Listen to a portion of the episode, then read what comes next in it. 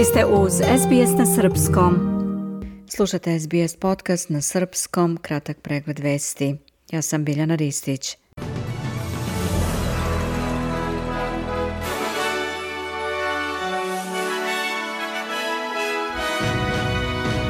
Osoblje australijskih odbranbenih snaga i dva dodatna vojna aviona raspoređeni na Bliski istok. Izrael na sednici Saveta bezbednosti Ujedinjenih nacija zatražio ostavku Antonija Gutereša. Sjedinjene države predlažu humanitarnu pauzu. Turski ministar odbrane doputovao u zvaničnu posetu Srbiji.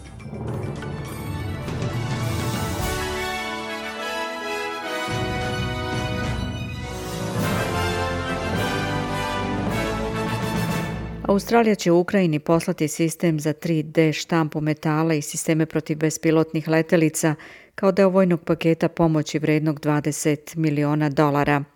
Na listi se nalaze oprema za deminiranje, prenosive rentgenske mašine, 3D štampač metala i sistemi protiv dronova, vojne zalihe koje su razvile australijske firme Drone Shield, MicroX, MineLab i Speed 3D. Premijer Anthony Albanizi kaže da Australija ostaje nepokolebljiva u podršci Ukrajini da se odbrani od ruskih vojnih snaga.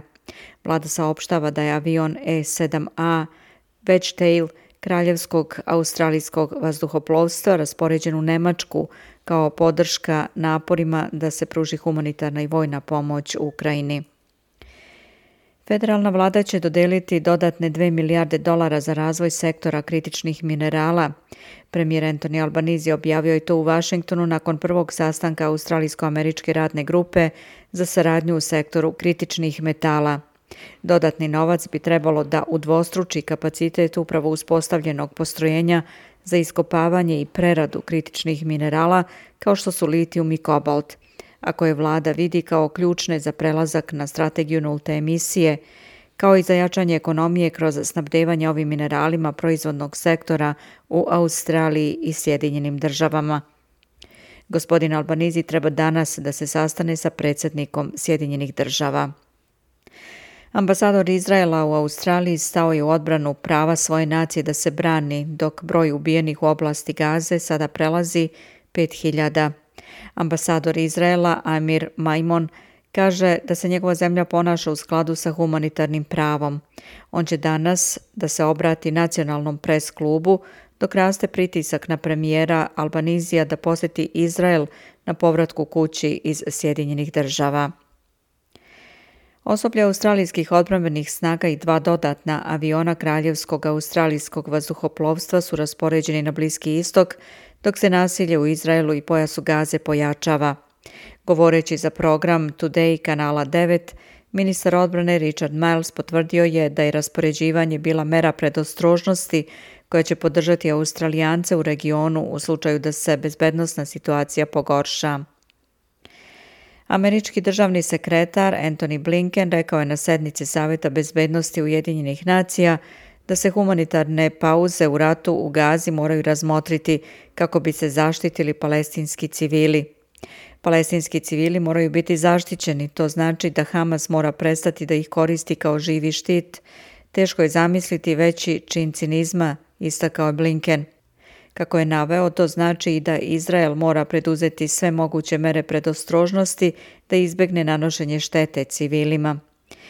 Ministar spoljnih poslova palestinske uprave Riyad El Maliki oštro je osudio međunarodnu zajednicu zbog, kako je rekao, njene selektivnosti i dvostrukih standarda tokom svog govora u Savetu bezbednosti.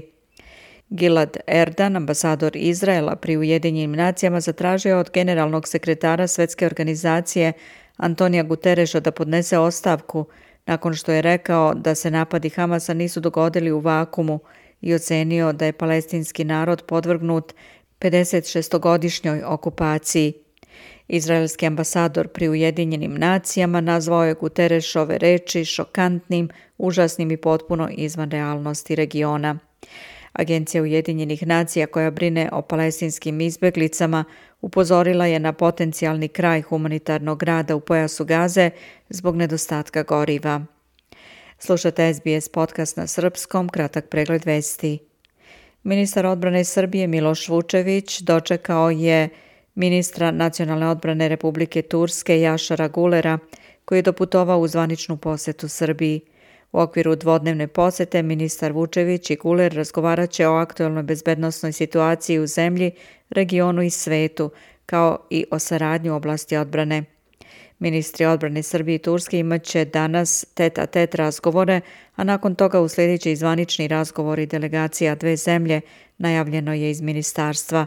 Sa ministrom Gulerom sastaće se i predsjednik Srbije Aleksandar Vučić, saopštilo je predsjedništvo. Misija OEPS-a u Prištini saopštila je da je u kontaktu sa Srpskom pravoslavnom crkvom u vezi sa deportacijom protosinđela Fotija, igumana manastira Devina Voda, i naglasila da traže pojašnjenje vlasti u Prištini o razlozima za njegovu deportaciju u Severnu Makedoniju. Misija OEPS-a također je pružila podršku ocu Fotiju. Eparhija Raško-Prizrenska saopštila je krajem nedelje da je kosovska policija deportovala sa Kosova i Metohije u Severnu Makedoniju igumana manastira Devina Voda, koji se nalazi na 9 km od Zvečana. Eparhija je ocenila da je tim činom praktično započeo otvoreni progon sveštenstva i monaštva Srpske pravoslavne crkve sa Kosova i Metohije, što je neprihvatljivo i višestruko pogoršava međunacionalnu i međuversku situaciju na Kosovu i Metohiji. Otac Fotija je 2009. imenovan za nastojatelja manastira Devina Voda kod Zvečana, gde od tada boravio neprekidno punih 13 godina obavljajući monaške dužnosti. U Ljubljani je otkriven spomenik hiljadama Srba i drugih koji su 1992. izbrisani iz registra stanovnika godinu nakon što je Slovenija proglasila nezavisnost. Pre 31 godinu u Sloveniji gotovo 26.000 ljudi preko noći je izbrisano iz registra stanovnika. U parku izbrisanih spomenik u obliku gornjeg dela slova Č podsjećanje je na najgrublje kršenje ljudskih prava u modernoj Sloveniji – spomenik izbrisanima u Ljubljani, idejno rešenje Vuka Ćosića, Aleksandra Vujovića i Irene Vele, otkriven je u krugu nekadašnje fabrike bicikala ROG, pretvorene u park izbrisanih na inicijativu slovenačkog ogranka organizacije Amnesty International.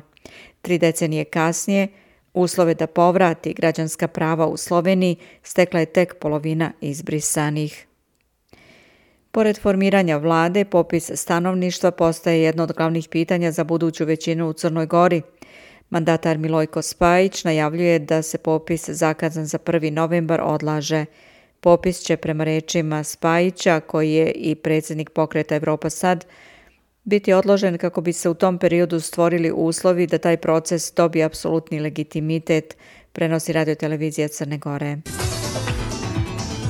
Da pogledamo i vrednost dolara danas prema američkom. Australijski dolar vredi 64 centa, 60 euro centi, 52 britanska penija i 70 srpskih dinara, 31 paru.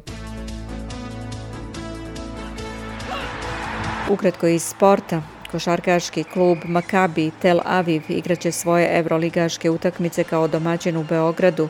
U narednom periodu objavila Evroliga – Izraelski klubovi nisu u mogućnosti da organizuju međunarodne mečeve od početka rata u Izraelu i pojasu Gaze. Makabi je dobio sve garancije i podršku grada Beograda i vlade Republike Srbije, a na svakodnevnom nivou vodit će se razgovori o potrebnim bezbednostnim merama. Izraelski klub će svoju prvu utakmicu kao domaćin u Beogradu igrati 9. novembra protiv ekipe Bajerna. Utakmicom aktualnih prvaka Denver Nuggetsa i Los Angeles Lakersa počinje 78. sezona NBA lige. Srpsku košarku predstavljaju sedmorica igrača i jedan glavni trener, a glavni kandidati za titulu su se dodatno pojačali tokom leta. Futboleri Arsenala savladali su kao gosti ekipu Sevilje 2-1, a jedini gol za španski tim postigao je Nemanja Gudelj. Lans i PSV podelili bodove 1-1 u utakmici trećeg kola Lige šampiona u grupi B. Futbaleri Bajerna ostvarili su važan triumf u trećem kolu Lige šampiona pošto su u Istanbulu savladali ekipu Galatasaraya 3-1. U drugom meču grupe A Manchester United savladao Kopenhagen golom Harija Maguirea, a Andre Onana u posljednjim sekundama meča odbranio penal danske ekipe.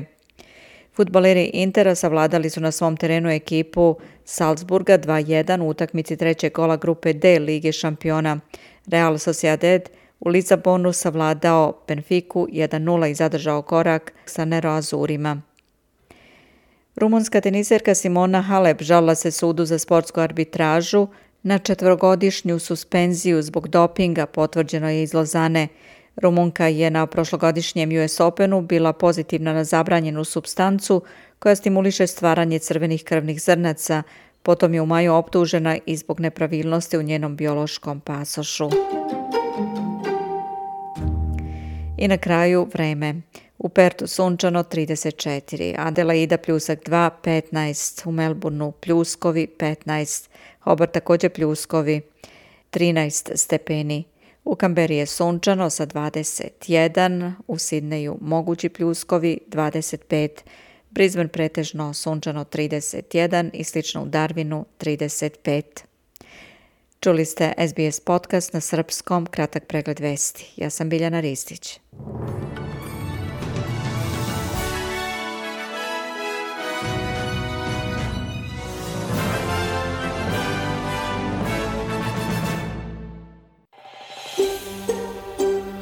Želite da čujete još priča poput ove?